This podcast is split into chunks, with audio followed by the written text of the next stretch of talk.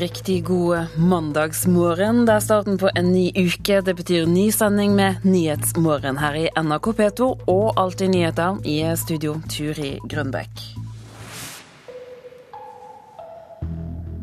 Først skal det handle om fire av ti ungdommer som overlevde massakren på Utøya, fortsatt sliter med angst og depresjoner, og har fysiske plager som hodepine og magesmerter. Hele 60% sier at de gjør det dårligere på skolen enn før. Det viser undersøkelsen som Nasjonalt senter om vold og traumatisk stress legger frem i dag. Det skal mindre til enn før, før jeg blir lei meg og, og deprimert. og i tillegg nå som datoen 22. juli begynner å nærme seg igjen, så har jeg fått en del fysiske plager i tillegg til de psykiske. Lisa Marie Husby fra Orkanger overlevde massakren på Utøya. Noen dager føler jeg seg helt fin. Andre dager er prega av tunge tanker og plutselige flashbacks der vonde scener fra terrorangrepet dukker opp i hodet hennes. Det kan være veldig ubehagelig, for da kan jeg ha et flashback i flere minutter og plutselig har stirra meg fast og ikke innsett at jeg egentlig har, vært borte i flere minutter. Tross plagene er Husby i dag i full jobb, men konsentrasjonsvansker gjorde at hun måtte avbryte studiene, og hun går fortsatt til psykolog. De tror at jeg sliter med hodepine og mageknip og, og synsforstyrrelser og søvnproblemer sånn pga. de psykiske problemene jeg har. Lisa Marie Husby er langt fra den eneste som fortsatt har det vanskelig. Nærmere 300 ungdommer som var på Utøya og på landsida, deltar i en pågående studie om psykiske senplager. Den andre intervjurunden viser at det går bedre med mange, men 40% sliter fortsatt med angst og depresjon. Stressreaksjoner i forhold til å ha opplevd noe sånt, er vanskelig å unngå. Eh, og det er også vanskelig å få bedring før det har gått noe tid. Grete Dyb ved Nasjonalt senter mot vold og traumatisk stress forteller at de psykiske plagene særlig går utover skoleprestasjonene. I rene ord så betyr jo det at karakterene går ned. At de ikke greier studieprogresjonen studieprogresjon sånn som de ville ha gjort og at det er et godt stykke igjen til at de er på den karriereveien de ellers ville vært. Nå er det snart gått to år siden 77 mennesker ble drept den 22. juli 2011. Men for mange av dem som overlevde massakren på Utøya, har de psykiske sårene så vidt begynt å gro. Vi har eh, som nasjon Norge en veldig behov for nå å legge 22.7 bak oss. Men da må vi ikke glemme at det er veldig mange medmennesker der ute som fortsatt trenger at vi forstår at de har det vanskelig, og at vi hjelper til slik at de kan komme seg videre. Det har vært tider der jeg har tenkt sånn folk orker ikke å høre på folk som har det fælt lenger, derfor sier jeg bare at jeg har det bra. Kanskje at folk trenger å høre at det er greit ikke å ha det bra òg, to år etterpå. Reportere her var eh, Siv Sandvik, Kristine Næss Larsen og Astrid Randen. Judith van der Vele, du er psykologspesialist. Samfunnet går videre etter terroren, men hvordan er det da for de som fortsatt sliter? Vi har nok et samfunn som eh, dyrker de som eh, klarer seg og reparerer, og strever med å få til å, å forstå at ting kan ta så lang tid. Og det er klart at det er vanskelig hvis du lever med mennesker rundt deg som har sånn positiv tenkning, mens du samtidig sitter f.eks. med synsforstyrrelse og konsentrasjonsvansker og ikke får, får, gjennomarbeidet dette. Det er uflaks, og det er Hvem er det som uh, blir rammet hardt? Det, det, krever veldig mye godhet for seg selv om man skal på en måte klare å forholde seg over tid. At ting ikke går ned så fort som man ønsker. Godhet for seg selv? Ja, det er eh, det å bebreide seg selv for angsten, for depresjonen, for at man på en måte ikke helt er der hvor man vil være i karriereløpet. Det er jo eh, ting man eh, lett kan gjøre. Samtidig så vet vi at det er jo akkurat det å vise respekt for at dette tar tid, at man har vært utsatt for alvorlig fare og strever med å komme til hektene igjen, at det er viktig. Og det må omgivelsene være med å støtte opp om. Denne rapporten, hva forteller den deg? Eh, den forteller jo det vi egentlig vet fra mange store undersøkelser rundt om i verden, at det tar tid, at ting går bra, at mange får det bedre. Men det er en gruppe som har opplevd hendelsen på en helt spesiell måte, som sliter ekstra mye. Og de trenger spesialisthjelp. Hva er inntrykket av den hjelpen, eller den spesialisthjelpen de da får? I Norge så er man i gang med store sånne traumeutdanningsprogram i dag, men foreløpig så er det ingen garanti på at man møter en traumespesialist når man trenger traumebehandling. Hva kan det få si for behandlingen? Nei, Da kan man gå i sirkler. Man kan snakke og snakke og snakke uten å komme videre. Eh, traumepasienter trenger helt eh, spesifikke metoder for å komme seg eh, fra dette. En traumeterapeut skal kunne hjelpe deg med gjenopplevelse, hvordan man skal håndtere det. Og de skal også kunne hjelpe deg få det motet du trenger til å se det verste i øynene av det du har gjort eller det du ikke klarte å gjøre mens du var i fare. Hvordan bør da rapporten følges opp? Eh, vi har lært mye av eh, de undersøkelsene som er gjort nå. Eh, en av de tingene vi ser, er at man trenger å ha mye mer et familieperspektiv i arbeidet rundt disse mennesker som har opplevd terror. Det gjelder jo den terroren her, men også alle andre terroraksjoner som har vært rundt omkring i verden, og hvor vi har mange gjester i Norge som, som har opplevd at man trenger å se familieperspektivet. Så vet vi også at vi trenger å se mer på på kroppsreaksjoner. Og hvordan skal man hjelpe folk å roe ned den kroppslige alarmen. Familieperspektivet, hva da? Ja, det, det, er lett å sørge for at det er nok personer til å snakke med den som har vært på Utøya, men hva med lillesøster på åtte? Eller eh, mor som har virket nokså frynsete, som folk ble litt lei i kommunen? De som har vært rammet av traume selv, hva, de som sliter med det, hva kan de selv gjøre? Det er ganske viktig tenker jeg, å sjekke ut om man får kvalifisert behandling, og det må man ha lov til å spørre om. Om, eh, om den man snakker med, om de kan det de kan. Det kan allikevel ta tid da. Eh, ellers så tenker jeg at det er viktig at man begrenser stress, eh, fordi man tåler stress dårligere. Eh, og så må man ha mange hyggelige ting, for de er med å hjelpe en å skru ned alarmen. Og til slutt så, så er det rett og slett individuelt hva vi trenger for å kunne få mot nok til å se at vi f.eks. ikke var i stand til å redde noen som vi hadde håpet å handle. Judith van der Welle, psykolog, psykologspesialist, takk for at du var med oss her i, i Nyhetsmorgen. På 1300 arbeidsplasser så er det innvilget unntak fra de lovbestemte arbeidstidene. Ansatte jobber mer overtid eller har kortere friperioder enn hva loven legger opp til. Regjeringen mener disse unntakene viser at arbeidsmiljøloven er fleksibel. Høyre hevder det viser at loven er for streng loven er eh, ganske rigid eh, når man er nødt til å ha så mange unntak. Sier Høyrets arbeidspolitiske talsmann Torbjørn Røe Isaksen. Det burde være større mulighet i dag til å få godkjent unntak fra arbeidsmiljøloven der man er enig lokalt. Høyre vil bl.a. at unntakene skal gjelde for mer enn ett år av gangen, slik det er i dag. De vil også ha slutt på at de sentrale fagforeningene har rett til å si nei dersom ansatte lokalt blir enige med ledelsen om kortere hviletider og lengre arbeid arbeidsdager enn det loven tillater. I mange bransjer så er det sånn at der man er enig lokalt, så sier man allikevel nei sentralt. og det er, eh, det er jo veldig dumt. Jeg har til gode at Høyre kommer med et konkret eksempel hvor dette har hindret fleksibilitet. Sier arbeidsminister Anniken Huitfeldt fra Arbeiderpartiet. Den sentrale fagforeninga godkjenner nesten alle unntakene det søkes om. Men det må være basert på at ikke de ansatte er pressa til det. Hun mener de mange unntakene fra arbeidsmiljøloven viser at norske arbeidstakere ønsker mer fleksibilitet, men på egne premisser. Så fleksibilitet er et gode.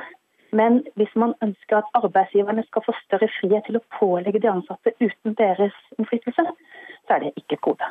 Ifølge arbeidsministeren vil Høyres politikk føre til at de ansatte får mindre innflytelse over egen arbeidshverdag. Det jeg er skeptisk til, er at arbeidsgiver kan pålegge unntak fra arbeidstidsbestemmelsene, men arbeidstakerne ønsker mer fleksibilitet.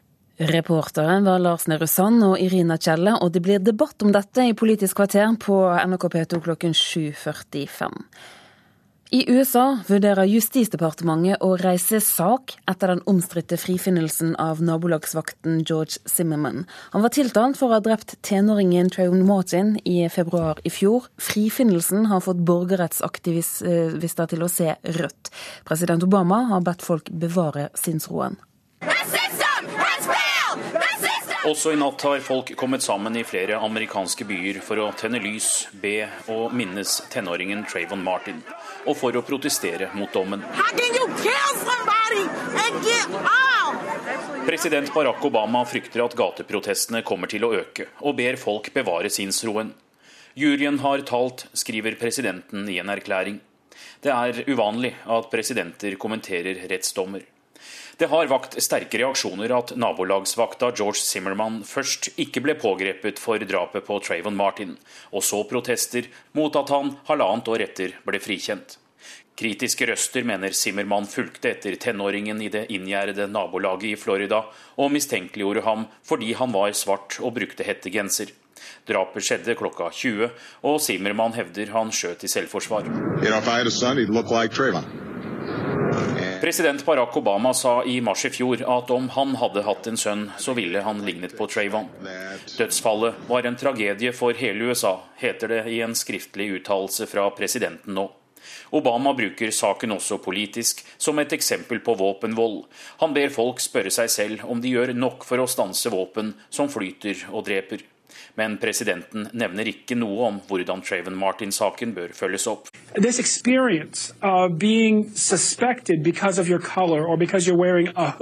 Zimmermanns frikjennelse har fått politikere og borgerrettsaktivister til å be Justisdepartementet gripe inn og forfølge saken sivilt. Justisdepartementet sendte i går ut en erklæring der de sier at de vil vurdere bevisgrunnlaget og se om det er nok til å reise føderal sak. En sivil sak vil ta stilling til om Martins borgerrettigheter ble krenket pga. hans hudfarge, at han ble mistenkeliggjort, og om det var forskjellsbehandling i rettsapparatet.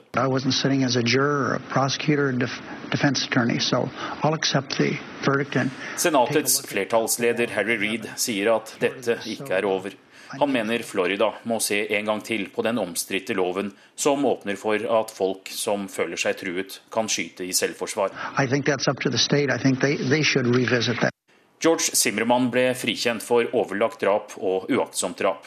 Rettseksperter her mener aktoratet gikk for langt i tiltalen og ville straffe Zimmermann etter paragrafer som hadde strengere krav for bevis. Det var ingen andre vitner til drapet, og retten fikk høre over 50 motstridende vitneforklaringer. Juryen mente til slutt det var grunn til å tro at Zimmermann handlet i selvforsvar.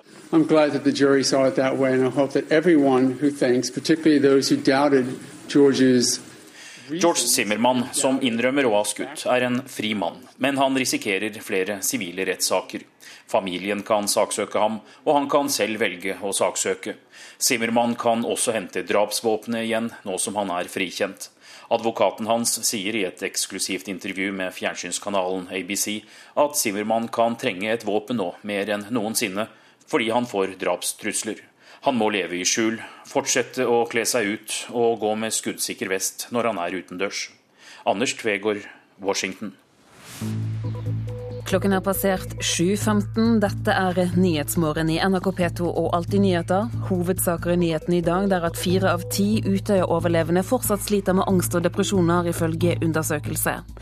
Som vi hørte, det er heftige protester i USA etter omstridt rettssak. Saken kan bli tatt opp igjen av Justisdepartementet. Bli med oss videre i sendingen. Vi skal straks snakke om Syria, for i byen Homs er nå flere tusen fanget i beleirede områder. Først skal vi til Russland, der myndighetene sier de ennå ikke har mottatt noen formell søknad fra Edward Snowden om politisk asyl. Så den tidligere amerikanske etterretningsagenten sitter fortsatt i internasjonal sone og utenfor passkontroll i Moskva internasjonale lufthavn. Stadig flere kommentatorer mener nå at russerne holder Snowden på en armlengdes avstand. Hva kan årsakene til det være, Hans-Wilhelm Steinfeld, som er vår korrespondent i Moskva? Eh, en helt åpenbar grunn er en historie vi må spole 50 år tilbake, og mer enn det. For i 1959 dro en amerikaner, overbevist kommunist, Lee Harvey Oswald, til USA, der han giftet seg med sin marina. Han var overbevist kommunist av ideologisk overbevisning og ble boende i Sovjetunionen til 1962, før han returnerte til USA. Og 22.11.1963 skjøt Lee Harvey Oswald USAs president John F. Kennedy som døde, og dette er kanskje den største tragedien. Russerne er selvfølgelig livredd for en løs kanon på dekket i form av Edward Snowden, og rett nok ble aldri KGB anklaget for å ha stått bak udåden til Lee Harvey Oswald, men han bodde tre år i dette landet før han myrdet USAs president og utløste den største politiske tragedien i moderne tid i Amerika. Dette bakteppet for at russerne tenker seg godt om nå. Russland de har noen betingelser for politisk asyl til Snowden. Står disse betingelsene fast? Ja, eh, pressesekretær Peskov, som er eh, president Putins eh, pressesekretær, slo fast på fredag og gjentok da Snowden ba om politisk asyl formelt og, uformelt og muntlig, at han kan i prinsippet få det, men da må han love ikke å drive virksomhet fra russisk territorium som kan skade Amerikas interesser. Hva er saksgangen nå, da? Ja, Det var jo på fredag at Snowden traff eh, advokater, blant dem leder for advokatforeningen i Moskva, Henry Resnik.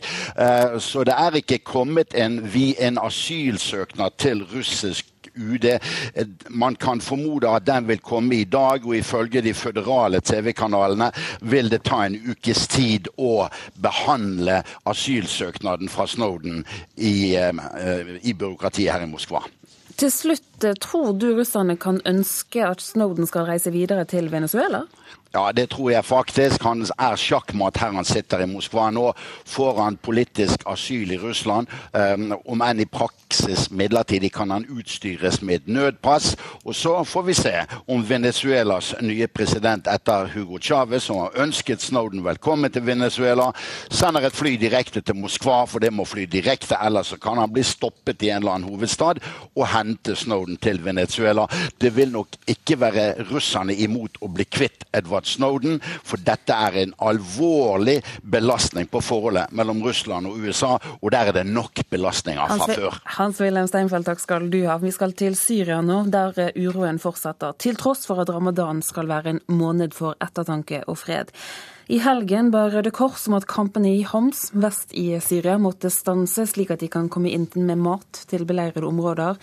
FN mener at over 2500 sivile er fanget i disse områdene. Kai Kverme, du er prosjektkoordinator ved Senter for islam- og Midtøsten-studier ved Universitetet i Oslo. Hva er situasjonen i Homs nå?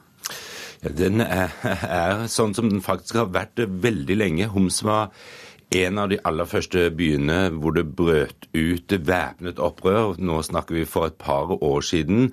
Og nesten siden den gang har byen vært delt, men regimet strammer etter hvert grepet. Og det er riktig som du sier, at man antar det er flere tusen sivile som er innesperret i en av disse bydelene, som da er omringet av, eh, av regimets eh, soldater, men under kontroll av opprørerne. Og de, de lider jo da under matmangel, vann, ingen strøm eh, og slike ting. Og, og situasjonen er veldig vanskelig, og man frykter fra enkelte menneskerettsorganisasjoner en, en massakre på disse dersom den regimet klarer å ta denne bydelen. Denne bønnen fra Røde Kors, er det noen grunn til å tro at den ble etterkommet? Ikke umiddelbart. Altså, det har vist seg tidligere i, i denne konflikten at eh, man, det sitter langt inne. Men samtidig så er det noen uh, noen eh, lystegn. Altså I nord, i Aleppo, tillot opprørerne at Røde Kors fikk komme inn til det beleirede fengselet i, i byen Aleppo med, med forsyninger, så, så, man skal ikke helt utelukke det. Samtidig så får vi melding om at flere hundre familier nå øst i Damaskus er omringet av regimestyrker. Hva er det som skjer der? Altså, disse byene som ligger i et område man kaller Rotan rundt Damaskus, eh, de er også Altså Regimet prøver veldig hardt å ta tilbake disse. Etter at man i, tidligere i sommer klarte å ta den veldig strategisk viktige byen Qusair på grensen til Libanon eh, med hjelp av, eh, av, soldater fra Hizbollah, prøver man nå å ta disse byene som ligger rett utenfor Damaskus, og som har vært kontro kontrollert av opprørerne veldig lenge, prøver man eh, å ta tilbake. Man har ikke lykkes med det, men, men bombardementet og, og kamphandlingene der er voldsomt intensiverte den siste tiden. Også her må vi anta at soldater fra Hizbollah og muligens også den iranske revolusjonsgarden deltar på regimets side. Samtidig forrige uke så, så vi at mange personer i Baath-partiet ble fjernet. Hva slags signaler sender det? Ja, det, det, sa jo eh, regimet selv rimelig tydelig, at man eh, nå hadde fjernet folk som hadde begått feil som, eh, som han uttrykte det. En av de som ble fjernet, er Farouk Shira, som er eh, tidligere utenriksminister. En av Hafez al-Assad, altså faren til Bashar sine gamle våpendragere, har vært en del av regimet i flere tiår. Farouk Shira ble intervjuet av en libanesisk avis i fjor sommer, hvor han sa veldig tydelig at det ikke var mulig med en militær løsning på denne konflikten. Og det har nok falt regimet med tungt for brystet. Det vil jo da innebære at dette er en konflikt de ikke kan vinne. Kai Kverme, takk for at du var med oss her i Nyhetsmorgen. OL-vinner Vebjørn Rodal etterlyser strengere dopingstraffer etter at to av verdens største sprintere har avgitt positiv dopingprøve. Både årets raskeste mann i verden, Tyson Gay, og jamaicanske Safa Powell har testet positivt. Det samme har fire andre utøvere fra Jamaica gjort, og nå må juks få større konsekvenser, mener Rodal. Jeg personlig syns det bør eh, være strengere straffer for å bli tatt i doping. Og så må det få økonomiske konsekvenser, kanskje ikke bare for utøveren, men også for, for klubb og, og kanskje til og med den nasjonen utøveren tilhører. I fotball-EM er det nå håp om at Norge kan gå hele veien etter 1-0-seieren over Nederland i går. Fotballekspert Tom Nordli har troen. Når det først går til kvartfinalen, som det gjør nå, eh, selv om det taper mot Tyskland, så går de videre som toer eller treer. og Går det til kvartfinalen, så kan alt skje. Jeg tror dette var litt forløsende for Norge i forhold til endelig å få en seier igjen. Og da tror jeg det kan gi positiv energi i forhold til fortsettelsen i mesterskapet. Solveig Gulbrandsen, og så skyter hun i mål! Det er så nydelig! Solveig Gulbrandsen ble som så ofte før den store helten for de norske fotballdamene. Da hun banket ballen i mål etter 54 minutters spill. Gulbrandsen var en lettet dame etter kampen. Ja, Det var utrolig deilig. Vi måtte vel egentlig ha tre poeng i dag. så Jeg syns jentene sto på noe skikkelig bra. Taktikken holdt hele veien. Så det er kjempejobb av jentene i dag, altså. Det var gøy. Landslagssjef Even Pellerud har måttet tåle kritikk fra flere hold etter åtte kamper på rad uten seier og en skuffende EM-åpning mot Island. Etter kampen rettet han noen stikk mot pressen. Det er lett å kritisere når du sitter med fasiten etterpå. Det er litt vei der ute det er, mange, det er mange varianter som er mulig i alle kamper. og Noen ganger lykkes du, noen ganger lykkes du ikke. og Det, det der vil jo aldri media skjønne. Norge ligger på andreplass i sin gruppe etter to kamper, på samme poengsum som Tyskland. Reporter her var Olav Havdal Tangenes. Vi skal se nærmere på dagens avisforsider. Nordmenn piratkopierer mindre musikk enn før, og det er blitt enklere å overvåke nettpiratene. Det skriver Aftenposten.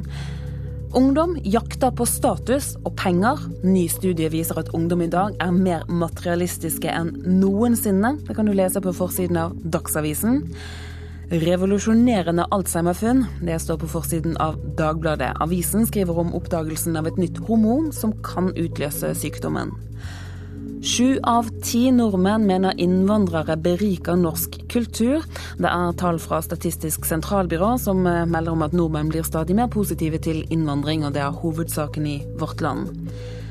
TV-seere kommer til å se mange debatter mellom Jens Stoltenberg og Erna Solberg i høst. Minst seks av ti TV-debatter er kun med disse to, skriver Dagens Næringsliv. Og Erna Solberg er også på forsiden av Klassekampen.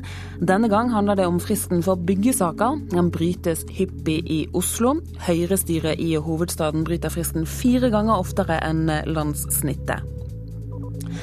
En annen trend som er tydelig i hovedstaden, det er nemlig at Oslo har størst andel kvinner som jakter. Faktisk skyter kvinnejakt i været, skriver Nasjonen. Mann i 40-årene er pågrepet i en væpnet aksjon i Kristiansand. Det skriver Fedrelandsvennen. I Nordlys blir det tatt et kraftig oppgjør med en ny vidunderkur for slanking, såkalt slanke-wraps, som markedsføres bl.a. via sosiale medier. Man må være tilnærmet hjernedød for å tro på dette, mener lege. Og VG skriver om tusenvis av norske pensjonister som tilbringer pensjonisttilværelsen i utlandet. Det er nå 50 000 eldre som er bosatt utenfor Norge. Vi skal til Tyskland nå, der mange irriterer seg over at flere engelske ord og uttrykk tas opp i det tyske språket. De tyske jernbanene har nå satt i gang en stor kampanje for å komme dette til livs. De har laget en lang liste med tyske ord som de ansatte skal bruke i stedet for de engelske.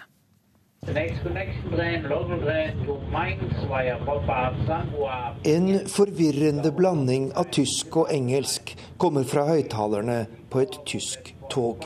Noen av passasjerene ler, andre rister oppgitt på hodet. Bruken av denglish tysk blandet med engelsk, griper stadig mer om seg, og nettopp de tyske jernbanene har nå laget en liste med 2200 tyske ord som de ansatte skal bruke i stedet for engelske nyord. Et flott prosjekt, sier talsmann Tobias Minder i Foreningen for det tyske språk. Ich finde es nicht so schlimm, wenn äh, Jugendliche versuchen, sich damit abzugrenzen von den sonstigen Erwachsenen. Det er nå ikke så farlig at tyske ungdommer bruker engelske ord for å være kule, men når store institusjoner her i landet strør om seg med engelske uttrykk, og offentlige personer gjør seg viktig med å erstatte gode tyske ord med engelske, da er vi på ville veier. Det tyske språket er under sterkt press, og derfor er aksjonen fra de tyske jernbanene riktig og viktig, sier talsmannen. Oh Herr, bitte gib mir meine Sprache zurück. Ich sehne mich nach Frieden und einem kleinen Stückchen Glück. O Herre, gi meg språket mitt tilbake, synger den populære tyske gruppa Wise Guys i sin harselas med alle de engelske uttrykkene som er kommet inn i det tyske språket.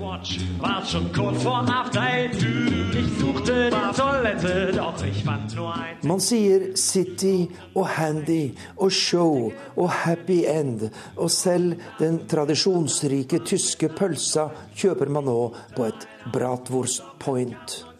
Hva er det som skjer med Goethes og Schillers vakre språk, spør mange tyskere, og synes det går over alle grenser med den engelske språkinnflytelsen. Og vår reporter i Berlin, det er Arnt Stefansen. Du lytter til Nyhetsmorgen i NRK P2 og Alltid nyheter. og Vi fortsetter straks med Dagsnytt. Etter Dagsnytt skal vi til Russland og Moskva og til Bolsjoj-teatret, der den nye sjefen har et stort opprydningsarbeid foran seg.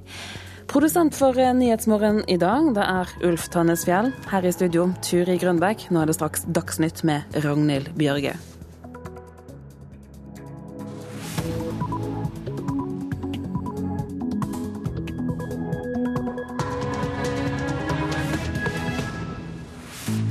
Dette er Nyhetsmorgen i NRK P2 og Alltid nyheter. Vi holder det gående frem til klokken blir ni, bl.a. med disse sakene. Det er sterke protester i USA etter at vaktmann ble frikjent for drap på tenåringsgutt. Saken kan bli tatt opp igjen av Justisdepartementet. Fire av ti Utøya-overlevende sliter fortsatt med angst, viser ny undersøkelse. Og nye dopingavsløringer rister friidrettsverdenen. Vi starter i USA, der Justisdepartementet altså vurderer å reise sak etter den omstridte frifinnelsen av nabolagsvakten George Zimmermann. Han var tiltalt for å ha drept tenåringen Trayvon Martin i februar i fjor. Frifinnelsen har fått borgerrettsaktivister til å se rødt. Presidenten har bedt folk bevare sinnsroen. Også i natt har folk kommet sammen i flere amerikanske byer for å tenne lys, be og minnes tenåringen Trayvon Martin og for å protestere mot dommen. President Barack Obama frykter at gateprotestene kommer til å øke, og ber folk bevare sinnsroen. Det har vakt sterke reaksjoner at nabolagsvakta George Zimmerman først ikke ble pågrepet for drapet på Trayvon Martin, og så protester mot at han halvannet år etter ble frikjent.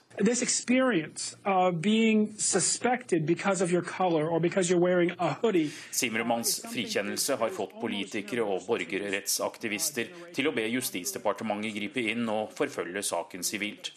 Justisdepartementet sendte i går ut en erklæring der de sier at de vil vurdere bevisgrunnlaget og se om det er nok til å reise føderal sak. En sivil sak vil ta stilling til om Martins borgerrettigheter ble krenket pga. hans hudfarge, at han ble mistenkeliggjort, og om det var forskjellsbehandling i rettsapparatet.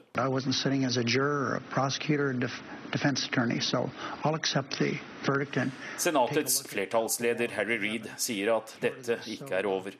Han mener Florida må se en gang til på den omstridte loven som åpner for at folk som føler seg truet, kan skyte i selvforsvar. George Zimmermann, som innrømmer å ha skutt, er en fri mann, men han risikerer flere sivile rettssaker. Zimmermann kan også hente drapsvåpenet igjen, nå som han er frikjent. Advokaten hans sier i et eksklusivt intervju med fjernsynskanalen ABC at Zimmermann kan trenge et våpen nå mer enn noensinne, fordi han får drapstrusler. Anders Tvegård, Washington. Og Utenriksmedarbeider her i NRK, Wenche Eriksen, hvorfor er engasjementet så stort i denne saken?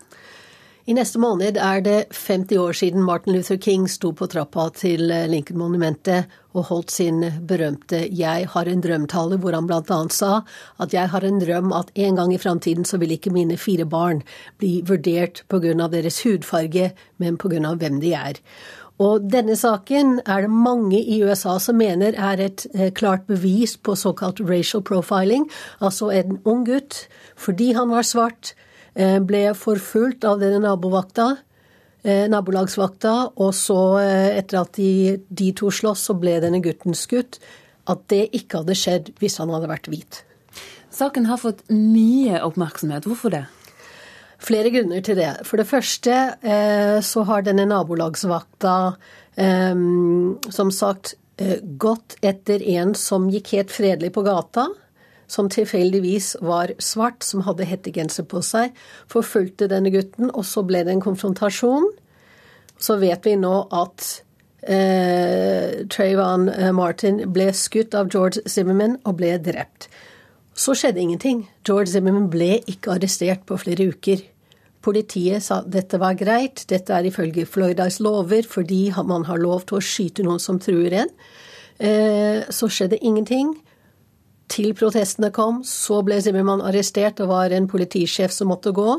Så kom denne rettssaken igjen, da. Det var, det var, veldig uklart hele tiden. Det er ingen som har sett hele hendelsen her, hva som egentlig foregikk. Folk har bare sett biter. Eh, men så er det denne klare oppfatningen av at det er lov å skyte svarte gutter. Og det er en veldig grunnleggende frykt hos veldig mange svarte familier at de nå føler, og det er det protestene går ut på, samme hvilken framgang som er gjort i USA når det gjelder rasemotsetninger de siste 50 årene, så er det fremdeles forskjell på svart og hvitt. Og at mange eh, eh foreldre av svarte gutter f.eks. som vil mene at 'min sønn er fritt vilt', dette kan skje hvor som helst, når som helst. Og så har denne saken fått mange til å peke tilbake på en litt eldre sak om politivold i USA, den såkalte Rodney King-saken. Hva er det som er likhetstrekkene her?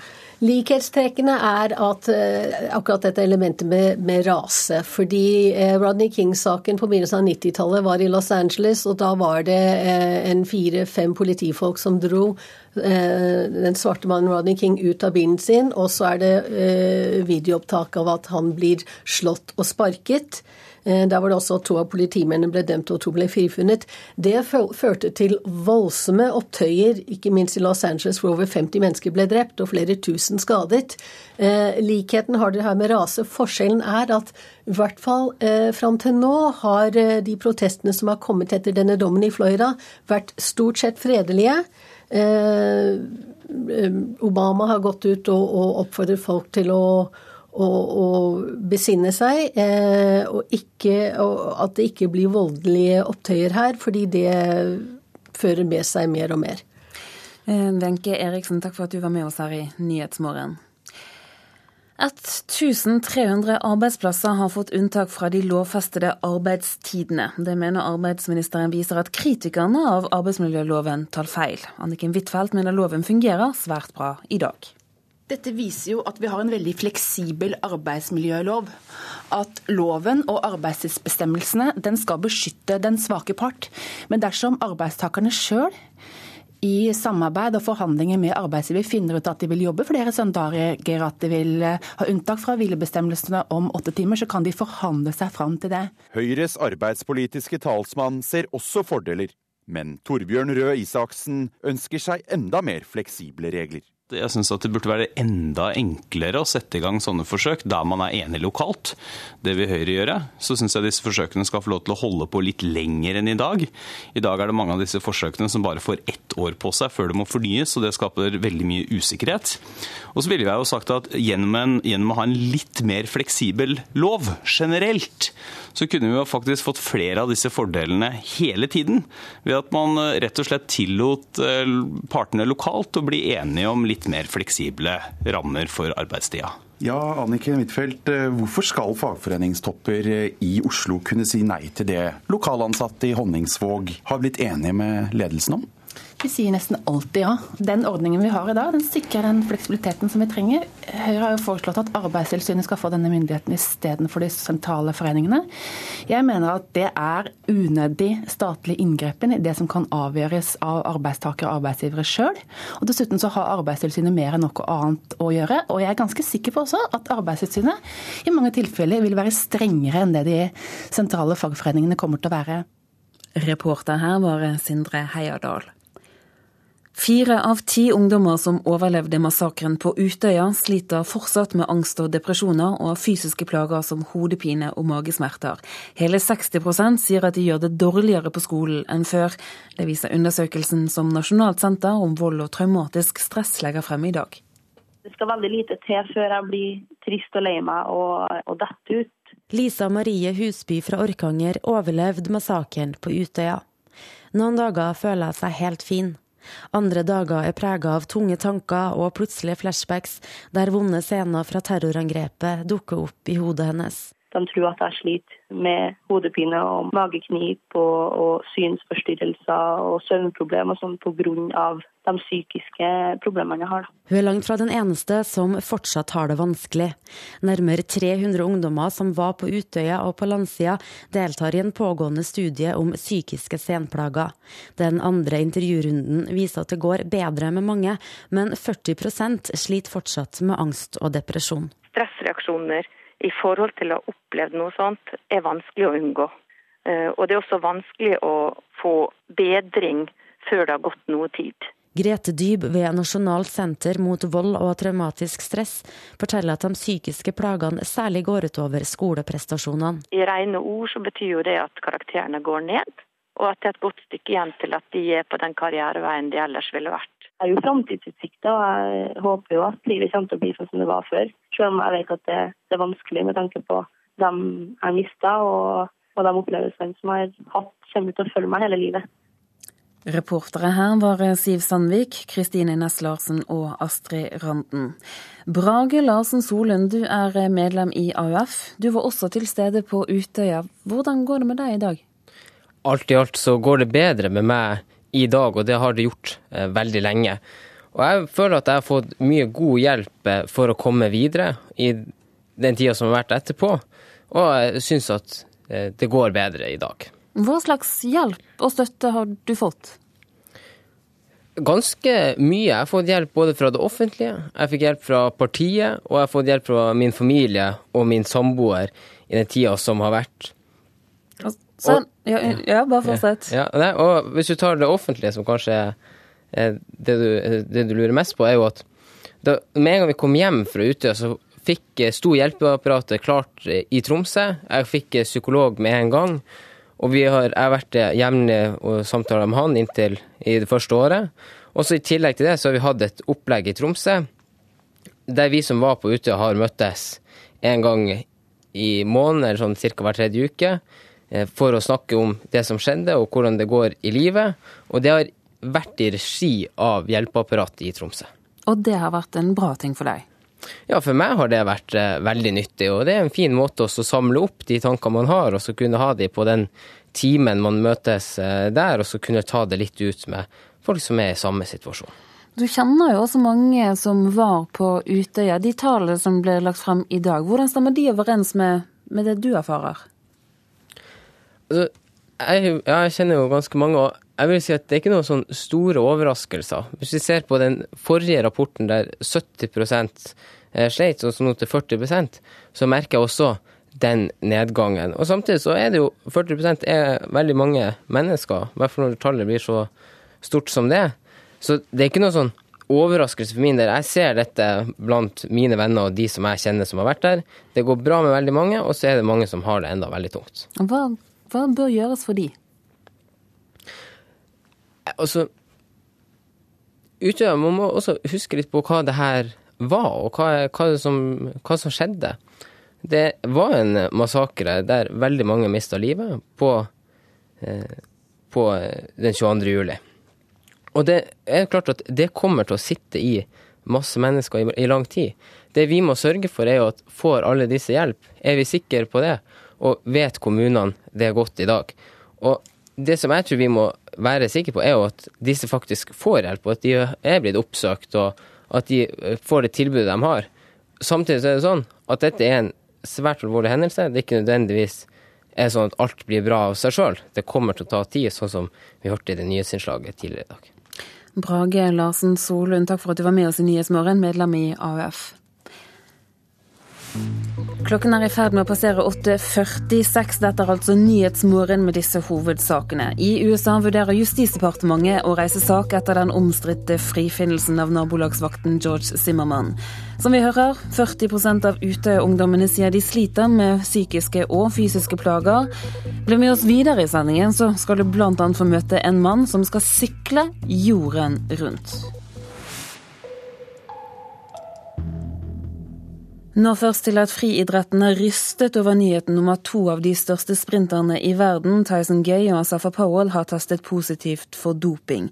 I tillegg har fire andre jamaicanske utøvere testet positivt. OL-vinner Vebjørn Rodal frykter det kommer flere avsløringer. Det er jo synd for internasjonal friidrett, men jeg kjenner òg at jeg er ikke så veldig overraska det dukka opp noen eh, kanskje litt uh, mer kjente navn og litt uventa navn i dag, men, uh, men, det er nok dessverre nye navn i ei rekke med nye avsløringer som, som det ennå ikke vil være slutt på. Først kom nyheten om at den tredoble verdensmesteren Tyson Gay hadde avgitt en positiv A-prøve i en tilfeldig test 16. mai i år, og at han hadde trukket seg fra VM i Moskva. NRKs friidrettskommentator Lars Lystad mente det var det nest verste som kunne skjedd idretten. Det er en av de aller eh, største eh, som blir tatt. Sprinterne blir jo gjerne fremstilt som de, de, store profilene. Og jeg vil si det så sterkt som det er kanskje den nest verste som kunne ha skjedd. Bare timer etter avsløringen om Gay kom nyheten om at fem jamaicanske friidrettsutøvere, deriblant Asafa Powell, også hadde avgitt positive dopingtester.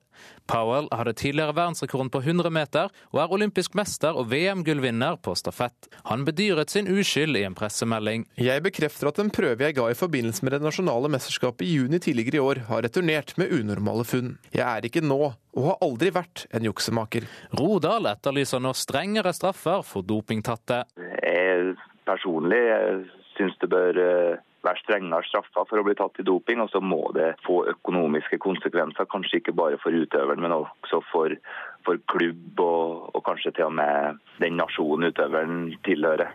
Reporter her var Olav Havdal Tangenes. Sportskommentator i Adresseavisen Kjetil Kroksæter, du skriver i en kommentar at du ikke er overrasket over disse dopingfunnene. Hvorfor, hvorfor ikke det? Nei, Det er rett og slett fordi at de prestasjonene der har vært altfor alt for gode til at uh, de kan være troverdige. Altså, Utviklinga har galoppert av gårde siden de, den forrige runden med, med dopingavsløringa. Så, så, dagens utøvere har knust rekordene til dem som vi vet var dopa, og det har ikke vært troverdig. Men, men hva med nye treningsmetoder, kan ikke det forklare mye av framgangen? Man kan jo, man kan jo tenke sånn. Men eh, hvis man kikker på, på friidrettens utvikling over lang tid, så viser det at eh, forbedringa er ca. 1 per tiår. Og det, det, er ganske lite. Og det er vanskelig å tro at man nå plutselig skal ha funnet fram til treningsmetoder som gjør at man gjør et buks fremover. Det er snarere sånn at, eh, at fremgangen vil bli mindre eh, etter hvert som man, man tøyer marginene. Hva tenker du da om eh, verdens raskeste mann, Usain Bolt? Ja, klart eh, Det er mange som tenker sitt om han, og, og det gjør jo jeg òg. Eh, de, de, tidene han presterer på sitt beste, er jo fantastiske. Det er jo sånn at det er ikke til å tro, egentlig. Så kan man jo så ser vi jo alle sammen at Usain Bolt er, er ganske spesiell. Han, han har nok en, en, fysikk og sånn som gjør at han er veldig egnet til å springe fort. Og det har en steglengde som ingen andre osv. Men i lys av det han har prestert og det som nå har skjedd, så, så er det klart at uh, mistanken ligger der, og mistanken er forsterka også til Usain Bolt. Hva tror du, er det sånn at friidretten nå risikerer en omdømmekrise, slik vi har sett i f.eks. sykling?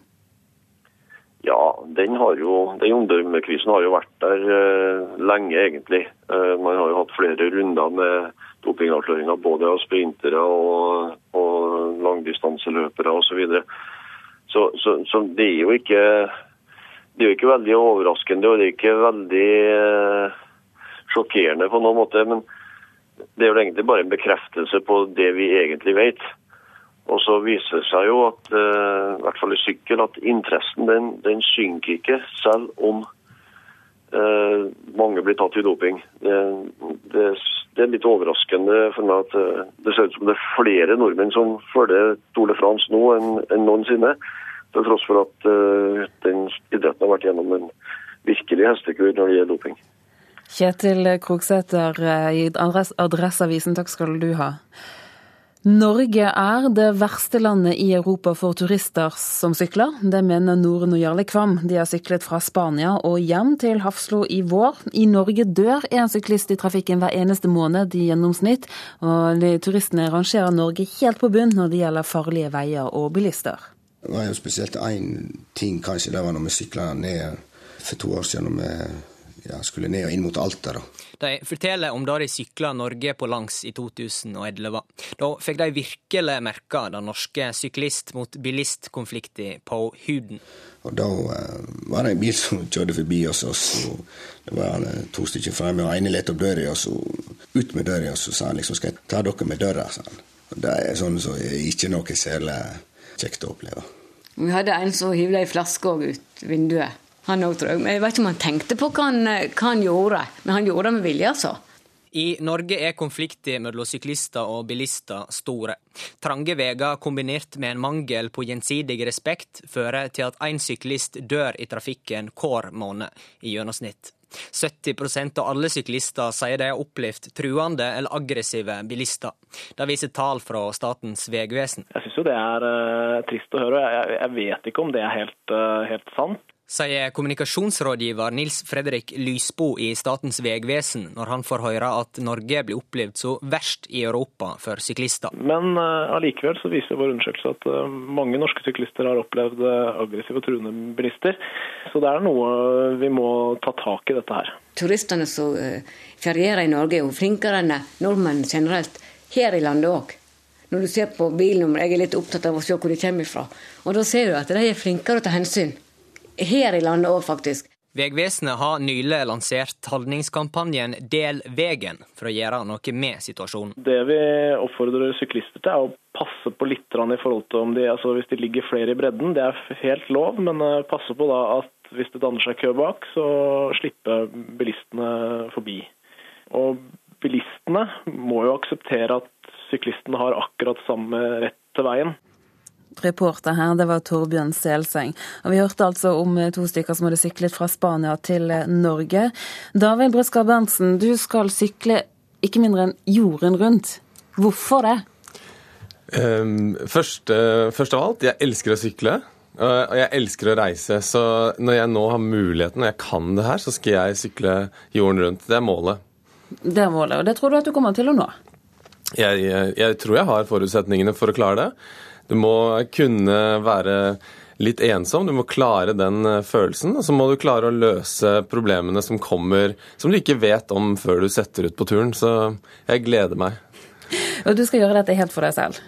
Ja, jeg har ikke fått med noen som, eh, som, vil være med på det. Jeg regner jo med at eh, jeg kan få med noen på etapper av turen, men på hele, hele turen, det går ikke, tror jeg. Du snakket om det med å løse problemer som dukker opp underveis. Hva er det du har forberedt på kan komme til å skje?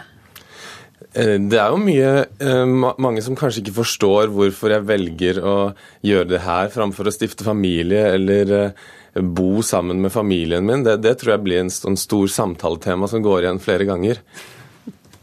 Ja, hva, hvilke reaksjoner fikk du da du begynte å fortelle folk om dette? Ja, det, er mye, det er mye forskjellig, og jeg merker at kanskje må jeg forklare det veldig mange ganger. men det er, det er, veldig mye eh, Tør du det? ikke sant? Det er farlig der ute.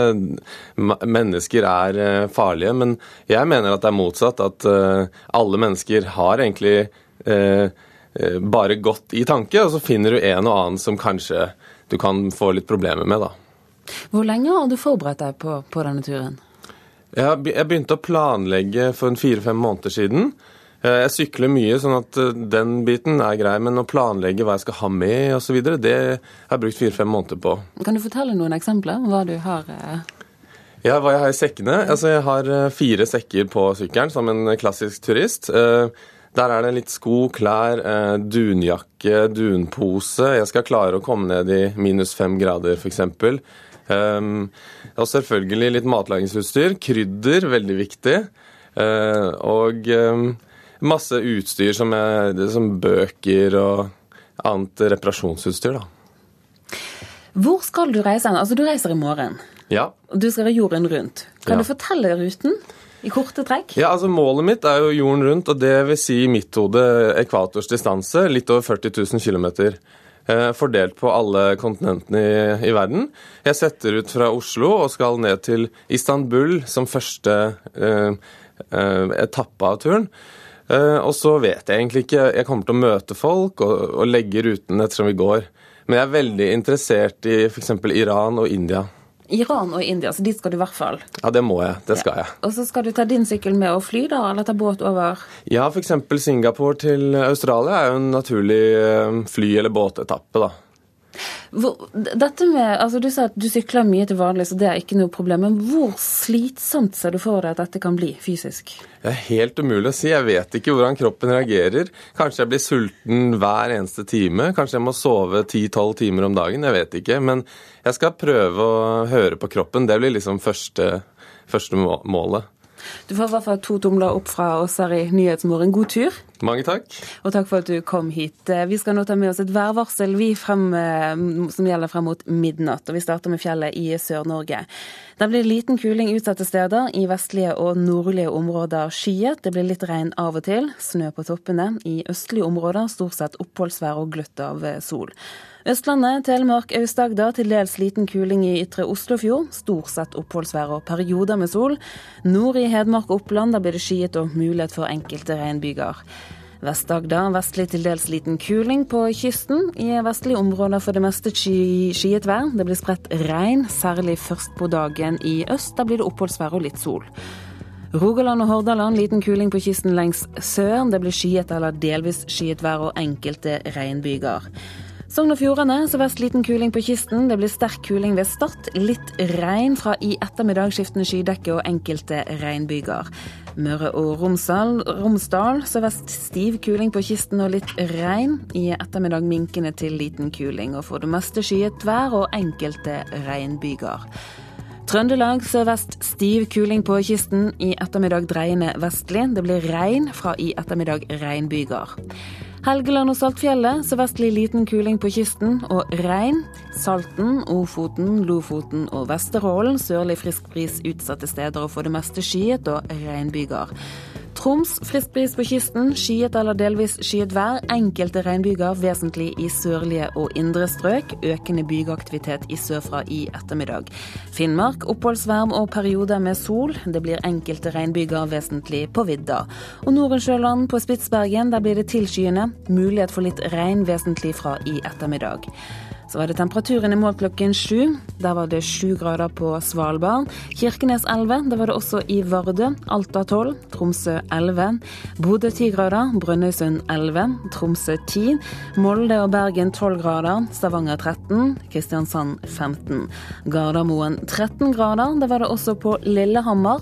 Røros 8 grader, og Oslo-Blindern 13 grader klokken sju i dag morges.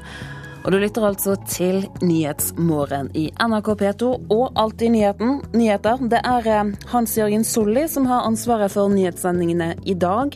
Produsent for Nyhetsmorgen, Ulf Tannes Fjell. Det er eh, Per Ivar Nordahl som har ansvaret for det tekniske. Her i studio, Turi Grønbekk.